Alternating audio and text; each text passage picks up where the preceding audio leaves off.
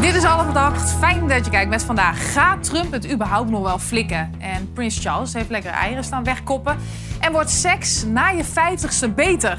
Nou, ze hopen van wel. Aan tafel Rutger Kasseke, Martijn Fischer, Stella Bergsma, Sandra Suurhoff en Sophie van den Enk. Fijn dat jullie er allemaal zijn. Rutger, als jij nou een ehm, groot geldbedrag zou vinden, op straat bijvoorbeeld, wat zou je er dan mee doen? Ligt eraan hoe groot dat eh, bedrag dan Ja, is. laten we het hebben over 1000 euro. 1000 euro. Ja. Eh, Ja, jij zit te lachen, dat is een groot bedrag. Ja, zeker, maar ik moet denk ik om jou lachen. hoe Dus ligt lang dat nou moet dat het een fooitje is.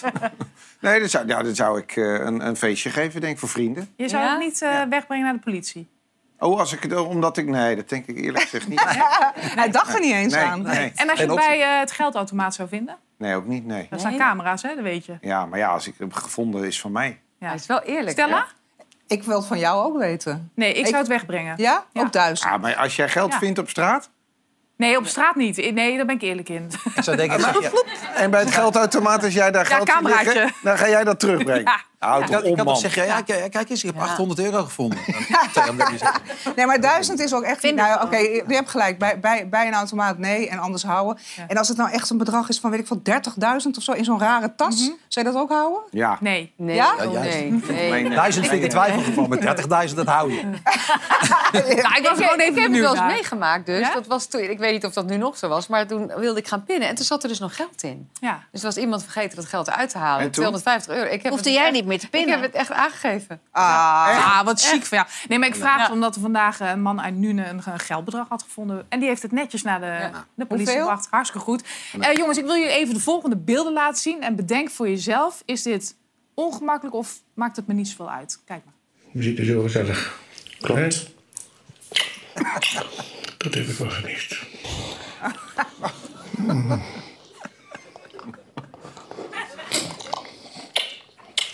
Nou, Heerlijk. heerlijk. Ja, heerlijk is het zeker, Sophie. Eh jemig, dit, ik had het even, ik zag het niet aankomen. Ehm, ha- ha- nou, nee, ja, heel leuk voor die mensen. Ja, dit eh, Ik gebeurt weet- vaker hoor, in Ik, het programma. ik weet niet of ik daar zeg maar een, een- per se getuige van zou hoeven zijn, ongeacht, want het gaat vast over de leeftijd. Maar ja, ehm, ja van, van, van iedereen zou ik dan denken, nou veel plezier ermee. Maar ik weet niet of ik daar zeg maar naar zou willen kijken. Nee, we gaan het er zo over hebben, maar het blijkt dus dat als wij mensen zien die aan het kus zijn, die een bepaalde leeftijd Nou, hebben... zien, dat je hoorde ze ja, ook zien heel en erg. horen. Ach, ja, wat maakt het uit? Dat was eigenlijk Gewoon het alles op en eraan. Dat vinden we ongemakkelijk. En uh, zometeen hoor je dan precies waarom. Eh 200 uur taakstraf voor Glennis Grace. Nou, oordeel zelf wat je daarvan vindt. Maar dit zei zij erover. Ik leg me neer bij de uitspraak van de rechter. 200 uur taakstraf. Ehm, ik ga niet in hoger beroep.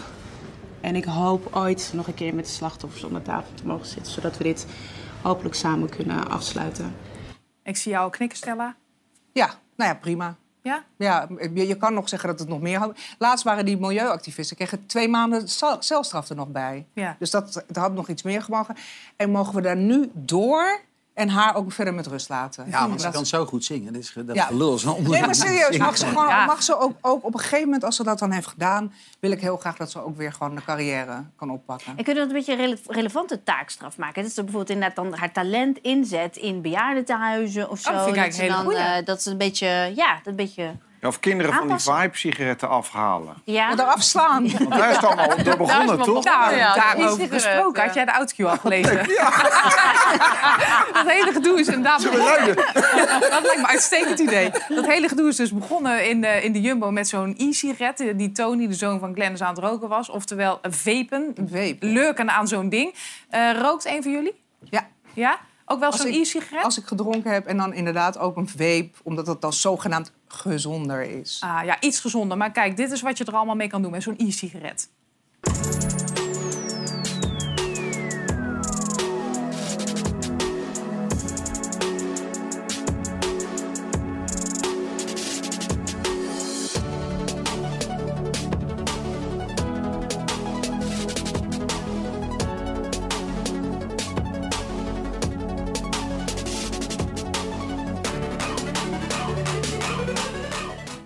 Nou, kijk, dat ziet er wel spectaculair uit. Maar tegenwoordig worden vooral minderjarige influencers benaderd om reclame te maken voor vapen op social media. Trouwens, er zit wel wat nicotine in. Wat vind je daarvan, Sandra? Ze Ja, daarvoor het zijn, reclame maken? eh, het zijn dus eh, minderjarigen, krijgen ze 40 euro en ze krijgen die zooi. Ja, vind ik ontzettend slechte zaak. Eh, ik vind het ook nergens over gaan. Je mag er geen reclame meer voor maken, dat is vanaf de zomer zo. Dan zou je denken, dan moet je juist die, eh, die jongeren moet je echt met rust laten. Ja, maar denk jij dan eh, zien vapen is doen vapen, Sophie? Nou, het is heel onpopulair onder de jongeren. Ja, volgens mij Roken is werkt dat toch veel populairder. Roken blijft het coolste. Ja, daar maar het is natuurlijk wel een kleinere stap om als je eenmaal daarmee begint Ja. om dan uit roken te gaan. Ja. Volgens mij moet je dat eh, uit willen bannen. Ja, Ja. oftewel, het zou... Ja, zeg maar. Nou ja, wat wil je eraan doen? Want je kunt het, als het op social media gebeurt, want dat is dan dus de sluipreclame. Ja, daar kun je, niet, daar kun je niks tegen doen. Dus je moet die, dan die fabrikant aan, aanpakken. Of, of, of dus Ja. degene die dit... Die, die zegt, je moet dit nemen. Ja, maar goed, ja, daar moet je dan strenger voor zijn, denk ik. ja. Ja, dus reclame maken voor vapen op social media zou verboden moeten worden. Dat is eh, de stelling. En eh, even kijken hoe Nederland daarover denkt. 75% die is het daarmee eens. 17% is het oneens. Dus dat Maar is dat vapen überhaupt op social media of reclame voor vapen? reclame? Want als je gewoon een foto van jezelf post met een vape, moet dat dan ook verboden Nou, je kunt je voorstellen dat dit ook reclame is wat we net hebben laten Ja. zien. Het is natuurlijk Ja. sluipreclame, ja. Ja. Maar ja, daar, hoe kun je dat verbieden? Ja, Ja, je kan goeie. gewoon net hetzelfde als met tepels. Dan kan je die foto's bannen precies, en dan kan je die bannen, mensen ja. blokken. Ja, ik vind dat wel ver gaan, eerlijk gezegd. Ja. Ik ben ook niet zo van het verbieden. En dan Nee. moet je die fabrikanten aanpakken. Dat Ja, lijkt duidelijk. me beter. Jongens, koning Charles, die is, eh, hij is pas net koning natuurlijk, maar hij heeft het al behoorlijk zwaar. Hè? Want vandaag moest je een aantal eieren wegkoppen. Waar was dat, Sandra? In York was dit. Daar was hij eh, met eh, Queen Consort Camilla was hij op bezoek. En ineens begon iemand eieren te gooien, echt te bekogelen. Nou ja, je ziet het gelijk eh, gearresteerd, die man. Het bleek een eh, actie van een eenling te zijn. En die vindt dat eh, Groot-Brittannië is gebouwd op, sla op het bloed van slaven. Ja. Dus ja, en hij is natuurlijk de personificatie van, van het land. Dus ja, hij moest die eieren moest hij dus zien. Het is wel ouderwets, hè, eieren gooien. Maar Ja. hij, is natuurlijk wel wat gewend, hè, koning Charles. Kijk maar. En hij gaat er super professioneel mee om. Toont geen emoties, dat is gebruikelijk daar in eh, Great Britain. Emoties wat zijn er nu ook gebeurt. te zien. Gewoon blijven staan. Maar hij Straks, bleef ook heel rustig. Wat zeg Dat, je? nou, dat vond ik wel opvallend vandaag. Ja, niet net het wassenbeeld, maar hij bleef ook gewoon heel rustig. Hij, hij ziet het gebeuren. Hij doet een stapje naar opzij, nog een stapje opzij. Ja, je zou denken van, ik doe gelijk een paar stappen opzij. Ik doe een veiliger Zouden ze daarop getraind worden, hè? Dat ze dan kijken van... eh, Ja, of Nou, hij heeft een hij? beetje dat wat. Biden heeft. Dat hij het niet zo door heeft. Dat Nou, hij had het heel goed door. Hij nou, hij hij is nog nog niet, hij goed bij de pinken Iemand nog, wil hoor. mij Ja. eitjes geven of zo. Nee, hij heeft het wel door, maar hij kiest er dan voor. En toen begonnen ook een heleboel andere mensen te roepen... eh, God save the, king, king. God save the king, ja. Ja, Biden, 80, gaan we het ook nog over hebben. Bijna, volgens mij volgende week. Gisteren hadden we het hier aan tafel over vuurwerk... en of er dan misschien wel een algeheel verbod moest komen in Nederland. In, in het verlengde daarvan. Eh, de Nederlandse politie die heeft vandaag een record hoeveelheid... van 350.000 kilo illegaal vuurwerk onderschept. En dat gebeurde allemaal in Duitsland. Het is daarmee ook nog de grootste vuurwerkvangst ooit... met een straatwaarde van eh, een paar miljoen. Eh, twee keer zoveel als wat er bij de vuurwerkramp, moet je voorstellen... in Enschede is ontploft. Dus dat is gigantisch. Eh, weten jullie allemaal wat een cobra is? Ja. Wel eens afgestoken, Rutger? Nee, nee, nee, nee. Jij? Jij wel, hè? Natuurlijk mag alles. Ja? Ja. Wat is dat dan? Dat Een cobra eigenlijk? Cobra, nou let even op. Dit kan er dus gebeuren met een cobra.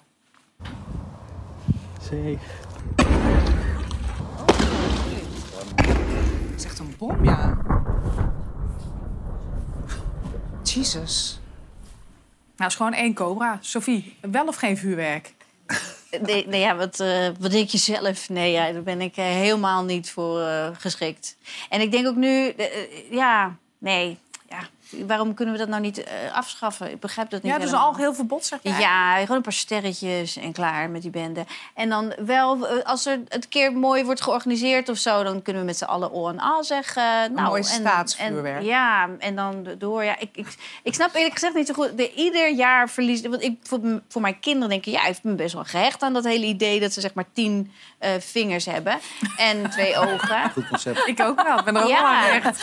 Dus je bent helemaal. Je, maar ik heb Ja. dat is toch jammer. Het is niet met vuurwerk nee, nee, nee, dat nee, wel heel goed verhaal. Maar dus een algeheel verbod zou jij toejuichen? Ja, ik denk dat, dat, wel, eh, dat we daar wel aan toe zijn met z'n allen. Maar wat vindt de vuurwerkafsteker daarvan? Nou, nee, kijk, het is eh, voortschrijdend inzicht. nee, ik vind het... Ik bedoel, ook de bedragen die ermee gemoeid zijn, ik vind het echt onvoorstelbaar. Er zijn ook mensen die hebben honger aan de andere kant van de wereld. Ja, ik, ik ben echt een... eh, Wat kost een gillende keukenmeid, denk je? Euro of twee? geen idee naar, maar ik- Nee, of veel minder. Ja? Gillende keukenmeid? Ja, gillende nee, keukenmeid. joh, die koop je in heel pakken. Dat is, dat is helemaal niet zo... Dat weet je dan weer wel. Ja. Ja. Ja, maar weet je, met, met, met kerst heb je al die acties, het, eh, dat glazen huis en zo. Dan halen ze, weet ik het, 2 miljoen op. En dan, en dan is iedereen, oeh, oeh, wow, 2 miljoen. En dan met oud en nieuw gaat er voor 8 miljoen de lucht in. Ja. Dan denk ik, ja, wat, wat, Oei. ik vind het allemaal Ja. zo... Als je het zo bekijkt is het inderdaad eh, bizar. Wie er ook trouwens op vuurwerk hoopt is Trump. Hij beweert weer eens ouderwets dat er fraude wordt gepleegd natuurlijk. Bij die midterms, tikkeltje voorspelbaar wel. Maar hij zit er weer scherp in hoor. Well, I think if they win, I should get all the credit, and if they lose, I should not be blamed at all. Okay, but it'll probably be just the opposite. Sophie, gaan de Republikeinen denk je Amerika weer overnemen? Ehm, nou ja, sowieso blijft Biden natuurlijk zitten waar hij zit. De, de midterms is, is halverwege de presidentsperiode. dus eh, precies op de, de helft van die termijn, na twee jaar. Dus dat is nu. En dan gaat het eigenlijk over de steun die de president nog heeft... in het, het Huis van Afgevaardigden en in de Senaat. Nou, het Huis van Afgevaardigden is eh, voor een groot gedeelte... bijna zeker wel eh, dat dat een republikeinse meerderheid zal worden. Ja. De Senaat is echt nog heel spannend. En eh, wat wel interessant is, is dat er eigenlijk een soort red wave, dus een grote rode golf van eh, republikeinse winst werd verwacht. En die is eigenlijk uitgebleven. Er zijn een paar hele belangrijke staten toch naar de Democraten gegaan. Die hebben ze echt ge- geflipt, zeg maar. Dus ehm, ja, dat, dat is eigenlijk goed nieuws eh, voor Biden. Ik las vandaag, de red wave crashed on a blue wall. De Ja. rode golf is tegen een blauwe muur aangekomen. Ja, Dus dat ja. is best wel fijn. Ja, vind ik. inderdaad. Nou ja, ja, precies. Dat hangt er vanaf, Ja, dat hangt er waar, je- vanaf waar, waar je je- zelf ja. eh, staat of wat je perspectief is. Maar het is in ieder geval anders dan verwacht. En heel veel peilingen werden uitgevoerd door of onafhankelijke bureaus... of door eh, meer conservatieve bureaus. En die hebben dat toch een beetje overschat. Gedacht eh, dat de Republikeinen dik, dik zouden winnen... en het dus heel lastig zouden maken voor Biden... om nog veel gedaan te krijgen de laatste twee jaar van deze termijn die hij nog heeft. Ja. Maar dat is eh, toch anders. Ja, ik zit dit even te lezen. Je- Misschien denk je dat dit de telefoonlijst van Gouda is. Maar dit is dus een stemformulier. eh, wat per post gaat. Daar maken vooral de democraten gebruik van, begreep ik. Maar ik zit dit zo te lezen. Ik moet echt zo kijken. Er is heel veel over te doen over dit eh, stembiljet. Want deze ja. is van jouw man, hè? Voor de Deze, ja, mijn man is Amerikaan. Dit is een, dan specifiek zijn ballot kopietje daarvan. Want die van hem is al lang opgestuurd natuurlijk. Maar eh, ik dacht, het is misschien toch wel interessant om te zien... van ja, hoe ziet die democratie, waar we het nou de hele tijd altijd ons druk maken over Amerika... hoe ziet het er nou eigenlijk uit? Nou, dit is dan eentje van Duval County in, eh, in Florida. En het zijn inderdaad heel veel vragen... omdat het eigenlijk gaat niet alleen over de eh, senatoren... maar ook op veel plekken over de gouverneur... en andere onderdelen van de rechtspraak. dus echt, en, en sommige wetsvoorstellen staan erin. Dus het is gewoon superveel waar je op moet stemmen. Dat, is ook, dat maakt ook dat je denkt van, jeetje... Het is ook wel een beetje een gedoe als je wil stemmen in Amerika. Je moet je registreren. Wij krijgen gewoon ons stembiljet op de deurmat. En dan vinden nog veel mensen het lastig om een stembus te vinden op de juiste dag. Maar eh, eh, de Amerikanen moeten zich eerst registreren. En dan krijg je je ballot, dus je stembiljet. En dan is dat, nou, ja, echt wel even huiswerk Maar doen. Joe Biden kan dit wel lezen, denk je? ja, nee, maar het is echt, het zijn kleine letters. Ja. Ik kan ook iets over mij zeggen, maar het zijn echt, moet je maar kijken. Je Maar hebt het is ook al in eh, het- de 40 gepasseerd. Het is in dat land ook toch wel lekker dat je iets eh, moet bewijzen voordat je mag stemmen. Ja. je dus in ieder geval bewijs dat je een formuliertje kan invullen en aanvragen. Ik denk is dat in ieder geval vandaag wel wat, lekker is. Wat lastiger om, eh, om inderdaad deel te nemen aan de democratie... dan om een wapen te verkrijgen. Dat, eh, dat is wel nog verzekerd. Normaal gesproken, dan zijn de, ja, de midterms leven dan niet super heel erg in Nederland. Maar nu is het in één keer heel speciaal. Waar ligt dat aan? Nou, ik denk dat het is omdat we allemaal wel voelen dat het... Uiteindelijk is een midterm natuurlijk altijd een beetje een graadmeter van hoe doet de president het. Nou, Biden, dat was natuurlijk al ja, belangrijk omdat het een breuk was met Trump. We vonden het toch allemaal wel heel spannend of Trump her- herkozen zou worden. En nu is het dan eigenlijk de grote toets. Hoe doet Biden het en, en hoe waarschijnlijk is het dat, eh, dat Trump nog veel support heeft in eh, Amerika? En wat je eigenlijk ziet is dat er een heleboel kandidaten op het stembiljet stonden in al die verschillende staten. ehm, waar eh, ja, de, kandidaten die zeiden eigenlijk is de, zijn de verkiezingen gestolen. Hè, dat statement van Trump dat voor die rellen heeft gezorgd op 6 januari. ehm, dat, ja, dat, er zijn dus toch een hoop mensen die daar echt in geloven.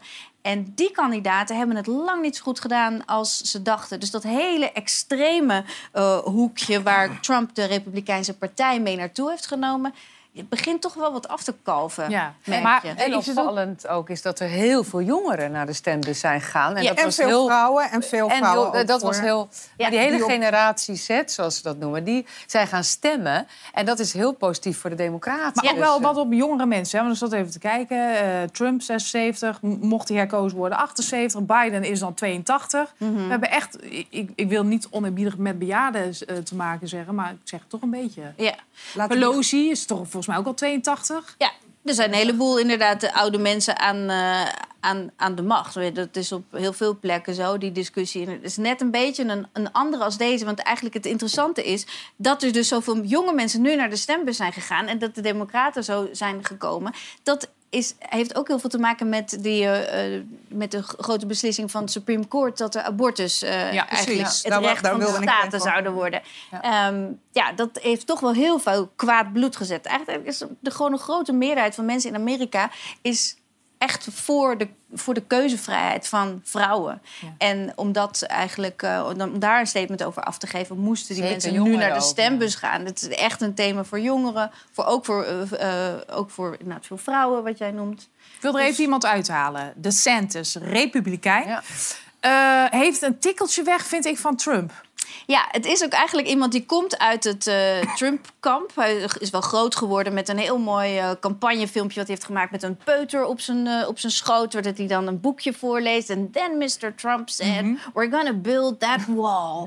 Ehm, dus hij heeft echt wel gebruik gemaakt van de populariteit van, van Donald Trump. Maar onderscheidt zich daar nu toch een beetje van. Want hij is iemand die het politieke spel eigenlijk beter snapt dan Donald Trump. Eh, hè, Donald Trump snapt heel goed het mediaspel, maar echt, de, het politiek is net iets anders. En daar heeft hij zich natuurlijk erg tegen afgezet. Maar DeSantis, ja, is gewoon wel een hele politieke jongen. Neemt nu een klein beetje afstand van Trump, want hij wil het eigenlijk tegen Trump Hij gaan wil winnen, opnemen. natuurlijk. Maar Ja. Trump heeft al gezegd, dat gaat dus niet gebeuren. Hij is 44 jaar en zo ziet hij eruit. En dit doet hij. We fight the woke in the legislature. We fight the woke in the schools. We fight the woke in the corporations. We will never ever surrender to the woke mob. Florida is where woke goes to die. Nou, het is gewoon een klein kloontje. Oh, hij gebruikt worden. dezelfde vinger. Dus wat dat Maar een geduchte tegenstander van Trump. Want hij doet het Ja, dat dus vindt hij echt- zelf niet, hè? Trump. Nou, maar op dit moment wel. Als je kijkt naar de uitslag in, eh, in Florida... Die daar heeft hij echt eh, hè, met ja. geloof ik 20 procent eh gewonnen. het hele klinkende cijfers. Hij Ja. is ongelooflijk eh, populair. En je ziet echt nu dat die twee een beetje gaan afsplitsen van elkaar. En DeSantis gaat zeggen, met mij kan je de oorlog winnen. En de, de, cijfers van deze midterm eh, laten zien... dat Trump en dat hele extreme... dat dat echt eh, niet meer van deze tijd We houden hem in de gaten. Even Dr. Oz. Bij sommigen gaat een belletje ringen. Ja, bij jou zeker. Ja. Tegenover Fetterman. Eh Fetterman heeft een broertje gehad. Maar waar kennen we Dr. Oz van? Ja, van Oprah, Van Oprah. natuurlijk. Hè? Eh, en eh, ook een hele gerenommeerde arts. En eh, echt niet zomaar iemand, maar die toch wel... Ik denk dat Oprah heel veel spijt heeft... dat ze hem ooit zo'n groot podium Ze heeft is eh, heel laat, ze heeft er heel lang niks over gezegd. En toch, een dag voor de verkiezing, heeft ze zich uitgesproken dat zij Fetterman steunt. Zij heeft hem, ze heeft hem endorsed, toch? Ja, En hij- ja. Ja, maar Dr. precies. Oz is ook wel erg gelikt. Hè? Die- Dat is een gelikte man. Hij nam het dus op tegen Fetterman. Even kijken hoe dat eruit zag. I'm the only person on this stage right now that has con- was successful about pushing back against gun violence. Are you unhappy with where America's headed? I am. And if you are as well, then I'm the candidate for change. If you believe that the choice for abortion belongs between you and your doctor, that's what I fight for. And let's also talk about the elephant in the room. I had a stroke. He's never let me forget that. All he's done is just put a plan up on his website in the last 24 hours. I would support Donald Trump if he decided to run for president. Het lijkt een beetje de man van het volk en de, de elitaire man. Maar het is Klopt misschien dat? wel daar even belangrijk om uit te leggen dat eh Dr. Oz is echt een republikein. Ja. En Oprah is natuurlijk een eh, rechtgeaarde democraat. Dus ja, dat botste al. En hij heeft allerlei campagnespotjes gemaakt... waarin hij dus met enorme kans te zien is. En zegt, tegen de, de wet eh, op wapens. Zeker niet. Brrr, weet je wel. Dus ja, dat, dat schiet ook in het verkeerde keelgat bij heel veel mensen. Zeker Oftewel gelikt. Ja, zeker. En hij, en hij met, met Trump campagne gevoerd en zo. Hè. Dus eh, helemaal dat, dat, dat hele Trump-verhaal enorm uitgebreid. En dan Fetterman, die komt inderdaad tijdens zo'n debat dan lastig uit. Zo wordt het maar zes maanden geleden echt een ernstige beroerte. Maar waarom eh, zou je het dan willen, dit? Ja, nou ja, ja omdat hij eh, er, ervoor staat en erin gelooft. En op een ongelooflijk authentieke manier campagne heeft gevoerd in zijn hoodie. En uiteindelijk had hij dan gewonnen. Stond hij met zijn gezin op het podium. Het heeft me een beetje denken aan die film Ja. van Mitchells versus Maar nou zeg jij Machines. authentiek en ik denk nee, dit is allemaal bedacht. Er- iedereen denkt na over hoe hij eruit ziet, hoe hij zichzelf presenteert. Dit is, vind jij dit echt authentiek? Ik vind het heel authentiek. Moet je die kinderen daarnaast zien staan? Dat is toch op, ik, ik, zie je een beetje de gemiddelde Amerikaanse campagne... met zo'n Ja. gelikte vrouw die staat te lachen en te smilen en zo. lady. Hier is dus eentje half afgeschoren paars haar. Dan lekker een puber. Ik weet niet, ik vind het echt heel erg leuk. Ja, ik vind het heel echt. En dat, daar, ja, maar ja, dat is mijn assessment even daarvan. Maar ja... Jongens, hij- wat hij- denken jullie trouwens eventjes over eh, Donald Trump? Want stel dat hij weer aan de macht komt. Hij is toch pro-Poetin? We zitten natuurlijk in een oorlog met Oekraïne. Wat, wat moeten we daar dan? Want je zit al zo te kijken, Martijn. Nou ja, ik, ik, ik, ik vind het zo grillig en eh, ja, ik denk dat het heel de- destabiliserend is. Ik denk dat, het, dat je er niet, je kan nergens op rekenen. Je snapt niet zijn gedachtegang. Trump is Dus- wel pro-Poetin, maar niet pro-oorlog. Nee. En, en ook nooit geweest. Heeft gaat zich ook nooit voor uitgesproken. Dus nou, dat- hij heeft wel gezegd dat het een genius move was van Poetin. Ja, maar hij toen hij zelf- binnenviel is- in Oekraïne. ja, maar zelf Ja, maar later heeft hij er weer, is hij er weer tegenin gegaan. Ook. Nou ja, dat bedoel ik. Ik denk dat hij- dat hij er zelf niet voor zou zijn. Maar ik denk ook niet dat hij nog een keer herkozen wordt. Sophie, wanneer weten we helemaal eh, zeker wat de uitslag is? Het duurt nog wel eventjes, want we hebben net gehoord dat eh, in Georgia een runoff komt. Dat betekent dat gewoon de hele verkiezing opnieuw gedaan moet worden. Ja, dat gebeurt pas als eh, Sinterklaas alweer vertrokken is hier. 6 Dus eh, ja, dan eh, dat du- duurt wel eh, eventjes nog. Ja. Dus dan weten we waarschijnlijk ook pas wat, hoe het echt in de Senaat zit. En het zou wel weer 50-50 kunnen zijn zoals het nu ook is. En dan maakt Kamala Harris eh, het onderscheid als vicepresident. Dus dan is er toch een democratische meerderheid. Maar ja, Blijft toch wel een beetje smullen hoor, deze verkiezingen. We gaan eventjes door naar seks, want dat is een hele kleine overgang natuurlijk. Eh, denken jullie aan tafel allemaal dat je na je vijftigste betere seks hebt? Ik weet het zeker. Ja, jij weet het, dat wist ik al. Dat jij, jij, jij hebt je er ook op gekleed zelf, zei je al. Precies. Ja, wat Ik denk heb jij, een- Rutger? Betere seks na je vijftigste? Jezus. nog beter. Dat kan haast niet. Nee. Nee? Martijn, jij bent hoe Dan oud? kijk ik er wel naar uit. Ik ook. Ik ben 54. Nou jongen, het is niet normaal. Nee, ja. Ah, ik, ik bedoel, Je hebt je geen, Belen-trucjes nodig. Nee, nee. Maar Stella, vertel even, want jij wilde het heel graag hierover hebben. Waarom? Nou, en ik vond het, het leek me gewoon een leuk eh, onderwerp, ook gewoon eh, in, in alle ellende die er ook wel is tegenwoordig in de wereld. Hè. Dat, om, het ook, om ook iets positiefs in te brengen. En dat was, een uroloog heeft een boek geschreven dat seks dus beter wordt na je vijftigste. En eh, dat vond Dus, ik wel... dus omdat er zoveel ellende was, wilde jij het hebben over oude mensen die seks hebben? Ja, Oh ja. Inderdaad. Een soort silver lining, ja. Nou, laten we dat dan maar even doen. ja, precies. Ik zit even naar dit plaatje te kijken. Dat zijn, dan dat zijn geen hele oude benen, hè? Dit. Nee, dit is wel- Nee, Nee, dit, dit is eh, midden 30, denk ik. Maar na je anyway, 50 waarom ben je wordt dan het oud? beter? Want dan ben jij dan over, weet ik wat is het, zes jaar of zo? Ja, dat vind ik wel dat je... Dan ben je ah, oud aan het worden. En dan Ja. mag je het niet meer over seks hebben. Nou ja, dat zeg ik helemaal Wel, niet. maar- wel hebben, maar niet meer Stella, doen. leg even uit. Waarom wordt het beter? Eh, het schijnt zo te zijn. Ten eerste dat vrouwen eh, hebben, krijgen meer zelfvertrouwen, kennen hun lichaam beter, eh, durven meer te vragen wat ze willen. Weten ook beter wat ze willen. Want eigenlijk is het ook wel heel vaak zo dat meisjes ook heel erg worden opgevoed met dat ze zich steeds moeten verdedigen tegen seks. Dat ze nee moeten zeggen. En, en op een bepaalde leeftijd ga je gewoon ja zeggen. Maar ga je dat, als je ook in een relatie zit, kan je het dan nog veranderen? Want dan heb je toch op een gegeven moment al helemaal je routines en je Ja, dingen. dat, De dat- sleur bedoel je eigenlijk? Of? Zeg je, nee, maar ik ben nu 50 geworden. Nee, ja, nee, ja, ja, nee, denk hallo, dat- iedereen die lang in een relatie zit herkent dat Nou ja, je misschien kan je als, je, als je in een relatie zit, kan je erover praten. En het schijnt dus ook zo te zijn dat mannen, eh, die zijn dan als ze jong zijn, eh, wat nogal penetratiegericht, zeg maar. En ook heel erg eh, prestatiegericht in de zin van hoe vaak je het hebt gedaan. Klopt dat, Rutger? En dat is. Ja, Ik ben, niet, ik ben niet meer jong, hè? Nee, maar toen je jong was? Nou, ik, denk- ik denk wel dat als je jong bent, dat je dat dan ook allemaal aan het ontdekken bent. En dat je dan ook, dan zit er ook nog wel iets van dat je stoer wil zijn, toch? Dat, Ja, en dat is wil ook- laten en zien dan, ook in bed of zo. Misschien. En dat is dus per se, dat is niet per se leuk voor vrouwen, zeg maar. Hoe vaak je het kan, of dat penetreren. Sowieso is, de, is het eigenlijk... Nee, dat is... Dat, voor jonge meisjes is dat best wel... Nee, het zegt, want ja. Ja, nee, dat is, het is voor vrouwen best wel leuk als je veel aandacht aan eh, hun clitoris besteedt. Want dat is waar zij, eh, wat voor hen heel opwindend is.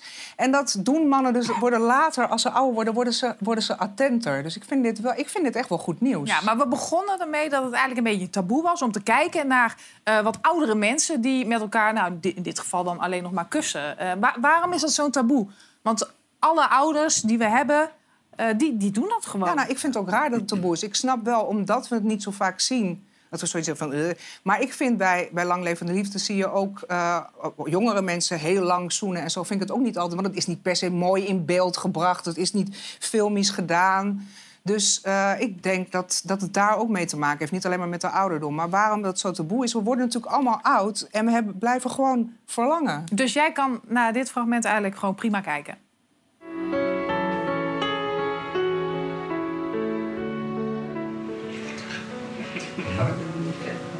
Dat lukt niet, dat lukt niet. Nou,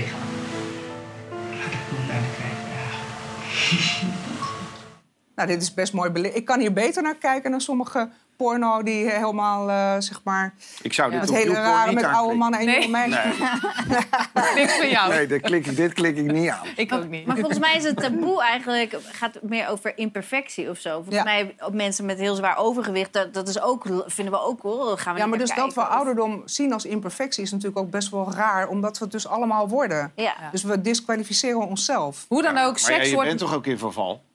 Ja, Ja, maar ja. dus, en, en wat is er nou? Ik, ik snap ook niet zo goed wat er nou taboe aan is. Ja. Eh, eh, moeten we dan de hele dag praten over 50-jarigen die seks hebben met elkaar? Nee, af Maar en toe. maar wie Alleen zegt Gewoon af en toe even hier. Maar, maar dat is ook niet Hoe vaak vind jij normaal? Twee keer per dag? Nee, ja. Hoe dan ook, jongens. Seks na je vijftigste wordt dus helemaal fantastisch voor Stella. Dus eh, we hebben nog wat lekker te gaan. Goed. Eh lerarentekort, dat is er natuurlijk ook in Nederland. Een gigantisch lerarentekort. Wat, wat merk jij daarvan? Meer van bij. lerarentekort?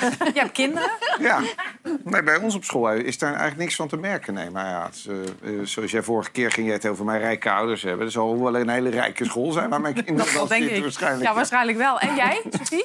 Eh, nou, volgens mij zijn eh, bij ons alle vacatures eh, vervuld. Maar ik weet wel dat de directeur daar echt slapeloze nachten van heeft gehad eh, in de zomervakantie. Dus ja, het is wel echt een groot probleem. Ja, want Thijs ging vandaag de straat op. Er is namelijk een oplossing voor dat lerarentekort. Maar hoe denken we daarover? Er is een flink tekort aan leraren en de vraag is, moeten we ze verleiden met meer salaris? De stelling luidt, de voltijdbonus is dé oplossing voor het lerarentekort. Dat vind ik een goed plan. Ik denk niet dat de mensen eh, zonder extra's eh, langer gaan werken. Nou, ik denk het niet.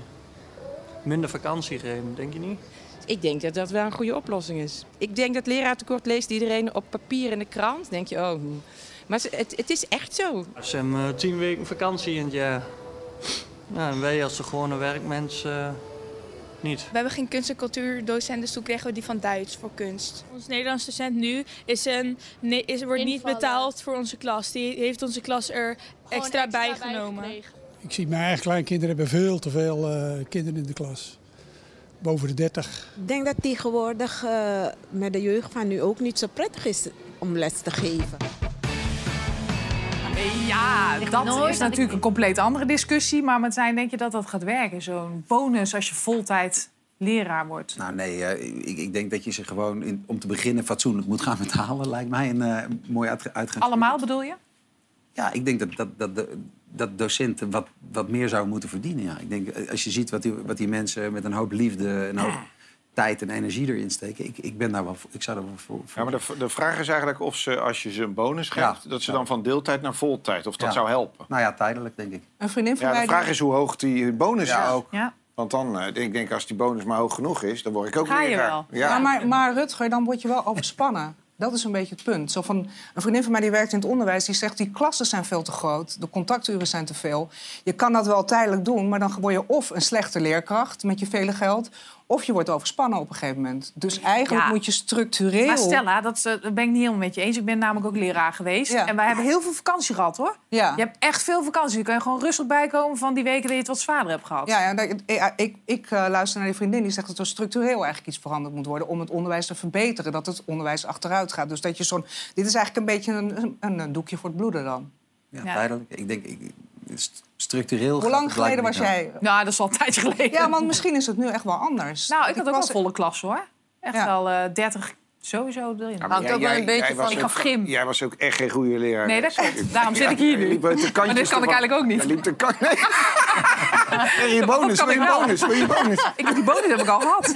Daarom blijf ik zitten. Wat denk jij? Maar eh, los daarvan, eh, oké, dan krijg je dus een bonus als je van deeltijd naar voltijd gaat. Nou, de, lekker dan als je al voltijd leraar was. Ja, dat, dat is inderdaad wel iets waar ik me een beetje eh, zorgen over. Maar ik denk, ja, dat, dan, Heel oneerlijk. dat, ja, dat, dat, daar, daar zit iets inderdaad een beetje scheef in. Of die moeten ook dan een bonus krijgen, maar dan wordt het weer zo duur. Maar ik denk dat je eigenlijk inderdaad heel veel verschillende dingen moet doen... om het in het onderwijs ik te ook, verbeteren. ja. Er moeten echt meer leerkrachten bij. Als de leerkrachten die er zijn iets meer gaan werken... dan is het leraartekort op zich al opgelost. Misschien zou eh, gratis kinderopvang ook kunnen, kunnen helpen. En inderdaad meer waardering voor mensen in de klas. De salarissen is al best wel veel aan gebeurd. Ja, laatste tijd zeker. Ja. Hè, dus eh, ik denk dat... eh, dat ja, is geen je- prikkel Maar wat voor mensen minder, dat wat minder part-time werken, dat zou natuurlijk wel helpen. Want we, zijn zou het al mee opgelost. Ik geloof als alle leerkrachten 10% meer zouden werken, dan, zou het probleem al eh, opgelost zijn. Maar het is dus heel vaak zo dat mensen parttime werken in zware beroepen. Maar niet dan alleen moet je in ook- Nederland eh, Ja. is Nee, ik het weet, dat land weet met ik. de meeste Nee, dat weet- dat weet ik, maar er valt wel over dus na er te is natuurlijk ook wel iets aan de hand daarin. Hè? Ja, is die bonus dan de oplossing? Nou, in Nederland eh, is niet heel erg eh, te spreken daarover. Kijk, maar 30% denkt dat dat de oplossing is, maar 60% nee hoor, dit is absoluut niet de oplossing. Zometeen dan eh, gaan we lekker verder met Prins Andrew. Hij moest een beetje huilen vandaag. En we bespreken The Crown, vijfde seizoen alweer. Dus tot zo. Welkom terug bij half acht, nog elf dagen en dan begint het WK in Qatar. Overigens speelt Ajax nu tegen Vitesse een inhaalwedstrijd in de Eredivisie. Staat 1-0, blind weer op de bank. Dus misschien ook wel belangrijk richting het WK, dat we dat weten. Elke dag vragen wij aan een van de mensen aan tafel wat hun mooiste WK-moment is. En dat ben jij vandaag, Martijn. Wat is jouw mooiste WK-moment? Nou, ik weet niet of het WK was, maar ik vond die aanname van Bergkamp... Oké, ja. die moeten we even genoemd hebben. Ja. En verder eh, herinner ik me dat ik eh, op het Museumplein stond... voor een oranje zee en mocht zingen... Nederland, oh nee. En dat hele plein steeg op. Ja, dat, Ah, wat vind je zo mooi aan dat nummer? Wat maakt het zo goed? nou, het is eigenlijk... eh, er is volgens mij eigenlijk niet echt een ander WK-nummer. Nee. Toch? Er is eigenlijk Ja. niks wat eraan tipt. Nou, we zijn er weer bij en dat is prima. Is, heeft het nog even geprobeerd. Eh, jij krijgt die lach niet van mijn gezicht. was van de WK Dames. Het heeft, toch, het heeft toch niet die lyriek en dat, dat romantische. En dat, en dat En dat is- Maar- dat is toch dus- niet een, een WK-moment eigenlijk? Dat was toch Nee. een EK-nummer van 88? Dat, Ah, ja. toch? Ja, maar de, tegenwoordig Oh, gebruiken we het voor oh. alles. Dat Nee. maakt allemaal niet Ik kan me nog herinneren dat gevoel van wauw. Ik vond het Ja. sowieso opvallend dat als je een, een WK-moment moet kiezen... dat je dan een, een, een moment kiest dat je zelf eh aan het Ja, ja, was. ja. Eh, En mooi is, we hebben hem ook Dat nog. van mij Martijn. Martijn, die ben je. oh, leuk.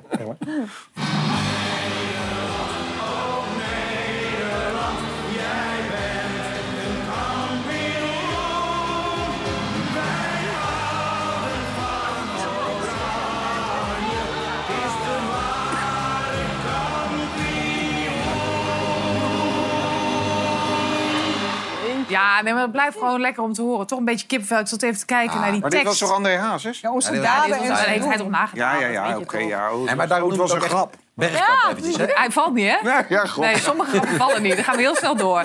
Eh, maar eh, Martijn, eh, samen zijn we sterk. Eendracht maakt machtig. Hoe een klein land groot kan zijn, is dat niet prachtig? Is dat de mooiste zin? Weet je in dat? Ja, dat ontroert me als je het gewoon zegt. Laat staan als hij het zingt. Ja, er zit toch iets heel lekker saamhorigs in. Echt smeuig vind ik het. Ik vind het echt een goed liedje. Wat voor supporter ben jij? Nou, ik ben echt eh, van de blokjes kaas met augurk en een, eh, en een, en, en een klein snapje. Nee, nee ik, ik, ik ben eigenlijk niet zo'n voetbalsupporter. Ik ging vroeger wel eh, eens een keer naar FC Utrecht. Zo, omdat ik daar geboren ben. Hè. Mhm. Ik kom vandaan, ben te- daar vlakbij echt geboren. Dus, Niks mis mee. Nee, maar ik, ik wil toch even kijken. Ik ben toch een beetje een 020-icoon aan het spelen de hele tijd. Dus ik word heel vaak...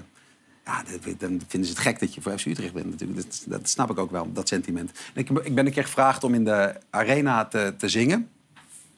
Eh, tijdens de wedstrijd. En, en, maar toen zei, daar ging de, de, de harde kern van Ajax ging naar voren liggen. Want hij komt aan 030. Oh ja, ja, ja. ja. En ik snap dat wel. Ik mocht wel de vlieger zingen, maar dan in de pauze. Wel waar ze toch bier halen.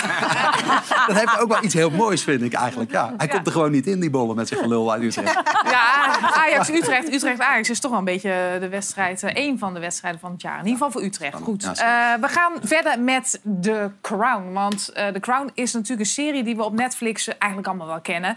Eh, alweer het vijfde seizoen. Maar voordat we dat bespreken, eerst maar even Prins Andrew. Want die komt ook voor in The Crown. En Prins Andrew, die had een beetje zwaar, hè? Die moest een beetje huilen vandaag. Waarom? Ja, volgens de Engelse krant The Daily Mail, nou, hè, korreltje zout... eh, zou die hebben gehuild omdat Charles hem apart heeft genomen... en gezegd van, je gaat niet je publieke comeback maken. We weten natuurlijk allemaal wat er gebeurd is met Andrew. Hij eh, heeft uiteindelijk een, een hoe zeg je, een settlement... Een, Schikking. Schikking, Ja. gesloten met Vertel nog eh, even wa- waar die allemaal- Joffrey. Hij werd, Ja. hij werd ervan verdacht dat hij... eh, betaal- seks had gehad met een minderjarige. En zij zou dan de seksslavin zijn geweest van Jeffrey Epstein. Hij was weer dik met Jeffrey Epstein. Uiteindelijk hebben ze dat gezetteld. Is het geen zaak geworden. Maar ja, dat hij moest wel, toen alles speelde, moest hij al zijn titels inleveren, zijn eh, publieke functies neerleggen, zijn militaire titels neerleggen. En hij hoopte dat na een schikking, dat hij langzamerhand dat hij wel weer wat terug zou krijgen en zich weer in het openbare leven weer op zijn eh, prinselijke titels kon eh, verstaan en weer het een en ander kon doen. Maar Charles heeft hem nu echt duidelijk gemaakt dat dat dus niet gaat gebeuren. Ik vind het geen verrassing, want hij, ja, Hij was in shock. Hij was hij, was in in shock. shock, maar ja, het zou ook niet meer kunnen. Weet je? Hij toch altijd die verdachtmaking blijft altijd boven zijn hoofd hangen. Nou, het gaat, En, volgens mij eh, gaat het niet eens om de verdachtmaking. Want ik vind ook namelijk, als je verdacht bent en je, hebt, en je weet niet of je het gedaan hebt... moet je dan zo... Maar, maar het gaat er toch veel meer om dat hij vrienden was met die Epstein. Dan kan het toch eigenlijk ook alleen daarom al niet meer. Nee, nee, nee, dat is niet de reden. Want dat Hé, was maar eerder al. hoor. Dus gaat als je echt natuurlijk om, de, Ja, om het seksuele misbruik nogal- van een minderjarige. Nee, dat Daar gaat het om. Ja, maar als je dus eh, gezien bent in dat huis van die Epstein... waar dus al die vreselijke dingen gebeuren... dan kun je toch al niet meer die Ja, maar, functie- jij, ja, maar wacht even. Dat staat toch helemaal los Dat van. Een vriendschap los staat van. toch helemaal los Ja. van of jij wel of Nou, niet. dat vind ik niet. Nee. Nee? Niet als je daar in dat huis bent geweest... waar die verschrikkelijke dingen gebeurd zijn. Nee, maar dat is erg, omdat we nu weten dat er ook een aanklacht direct aan zijn adres is. En 1 Ja. en 1 is 2. Dus Ja. dat is een zo sterke verdachtmaking. Hè. Natuurlijk, er is nooit een rechter of een jury is erover gegaan. Maar hij kan gewoon niet meer zijn entree maken. En misschien is Charles ook wel heel bang dat wat er nog gaat oppoppen uit dat een lijkt ander mij- dat doosje. lijkt mij wel. Ja.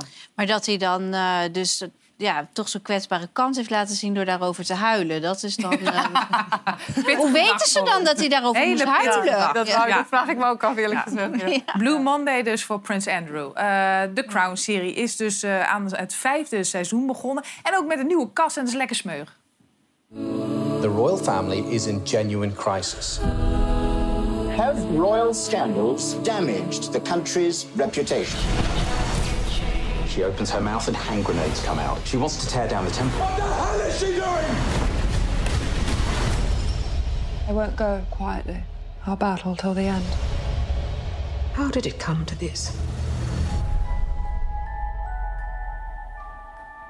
Ja, ik heb er zoveel zin in. En jij? Nou ja, ik heb het al gekeken. Dus, eh, En?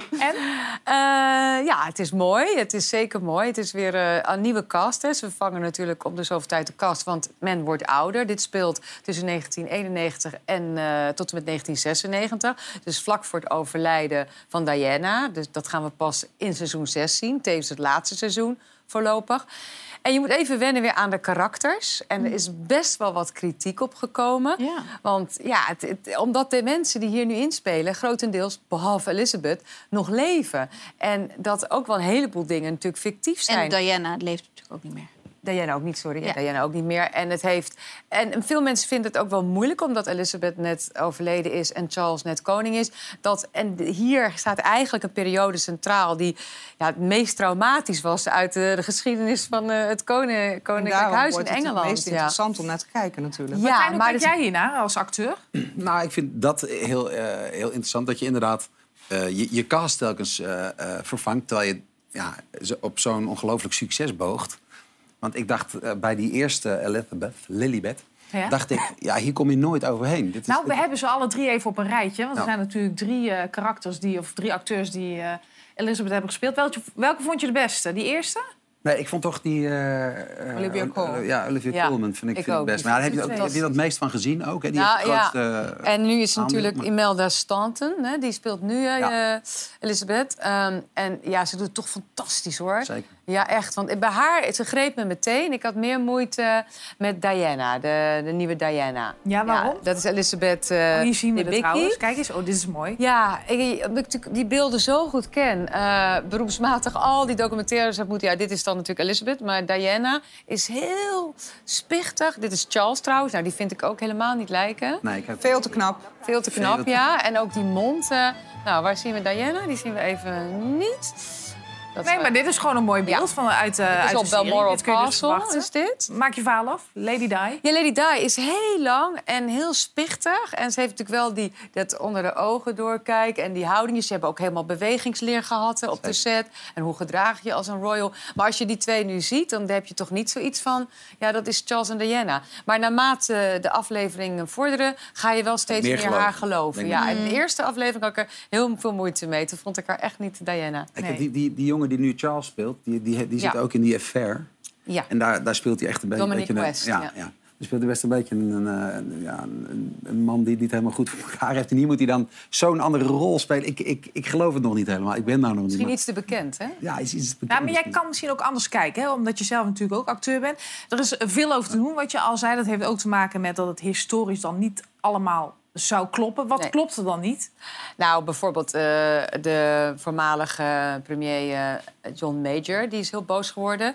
Eh, en ook eh, Tony Blair, die hebben allebei gezegd van ja, het is gewoon onzin. Bijvoorbeeld is er een verhaallijn dat Charles op een gegeven moment naar John Major is gegaan en heeft gezegd van ja, joh, dit, ze wordt veel te oud, eh, moeten we niet aansturen op een snelle troonwisseling. Nou, daar, zijn we- daarvan zeggen zij dat is gewoon echt, eh, ja, echt zo'n onzin, totale onzin. Dat is nooit gebeurd. En, ehm, Is dat zo of proberen ze hem Nee, te dat is beschermen? echt zo. Dat is echt niet gebeurd. Eh, Ja, moet je met drama altijd helemaal... Nee. Het is toch geen documentaire? Nou, je moet- weet toch dat het Nou, drama is? Ja. Precies, je weet dat het drama is. Het dus is er moet ook fictie, fictie gebaseerd op historische gebeurtenissen. Ja, maar dat Drama. is dus wat heel veel jongeren, dat is ook onderzocht in Engeland, die jongeren geloven die het dan. geloven het gewoon. Want die hebben natuurlijk niet meegemaakt in deze periode. Ja. De, dat was echt een hele moeilijke periode. De, Elisabeth heeft zelf eh, gesproken van Annus Horribilis. Dus de, de verschrikkelijke horror. Ja. En ja, dat was 1992. En daarvan hebben we ook nog wat beelden. Dan zie je ook dat Charles en Diana, dat huwelijk is eigenlijk al helemaal over. En dan als laatste poging om toch naar buiten toe nog te doen... alsof het allemaal wel meevalt, gaan ze dan op een soort tweede honeymoon, huwelijksreis. What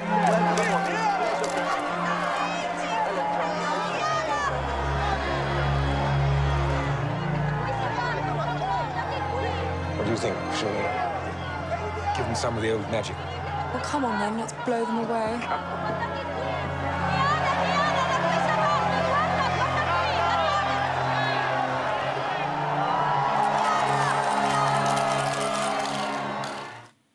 Wat een leven moet je daar trouwens ook hebben, als ik het zo bekijk. In hoeverre hebben die recensies, die niet allemaal positief zijn... Hoe kijk jij er eigenlijk naar? Want je zit echt zo van... Oh, nee, nee, ik heb het eigenlijk nog helemaal niet gezien.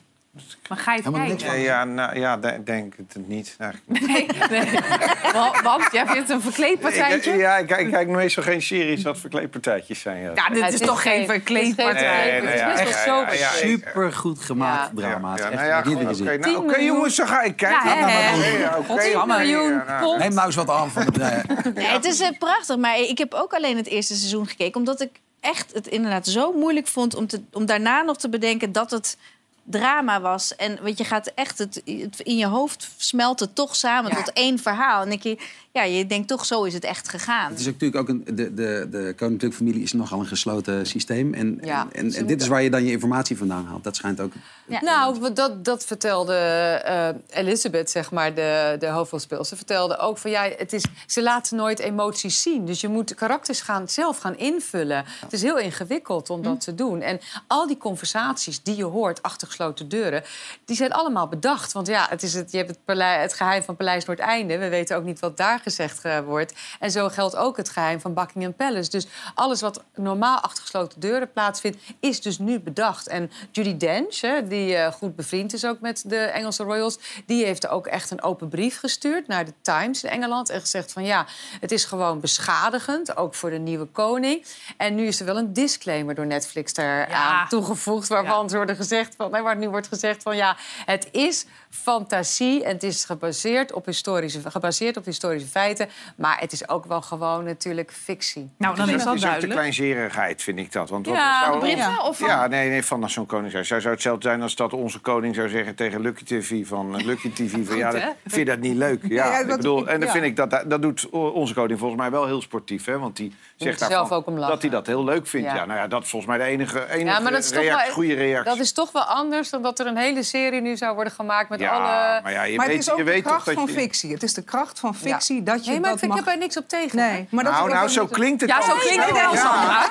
Nee, Ja, jij zit nee, nee, te nee. verdedigen, nee. Maar ja. wat ik wel lastig vind, is dat ik af en toe merk dat ik denk... hè, is dit nou echt, Echt gebeurd? gebeurd? En dan Ja. moet ik het echt even gaan opzoeken. Ja. Want Nou ja, het, het dat, ja. verward. Want met al die documentaires die je dan hebt gezien... en eh biografie, biografieën die je hebt gelezen... dat je denkt, hè? Weet je wel? Dat het, eh, dat, dus ja, ik vind het af en toe wel verwarrend. Tot, eh, ik wil nog even kort iets weten, want eh, in hoeverre spelen de recensies... eh, nou, zijn de recensies gebaseerd op het feit dat de queen is overleden? Dat het Zeker. wel- ja? Dat heeft het sentiment zeker veranderd. Dat ze toch een beetje ja, haar wel eh, een beetje willen eren, ook de Engelsen. En haar zo een mooie nalatenschap willen geven. En nu de, echt weer de, de verschrikkelijkste jaren van haar leven worden opgerakeld... met ook nog veel fictie daarbij. Ja, daar hebben zeker de oudere Engelsen wel een beetje moeite mee. En er zitten de schandalen van de afgelopen jaren niet eens bij. Nee. Gaat dat nog komen, Martijn, denk je? Nee, nee, dat gaat niet komen.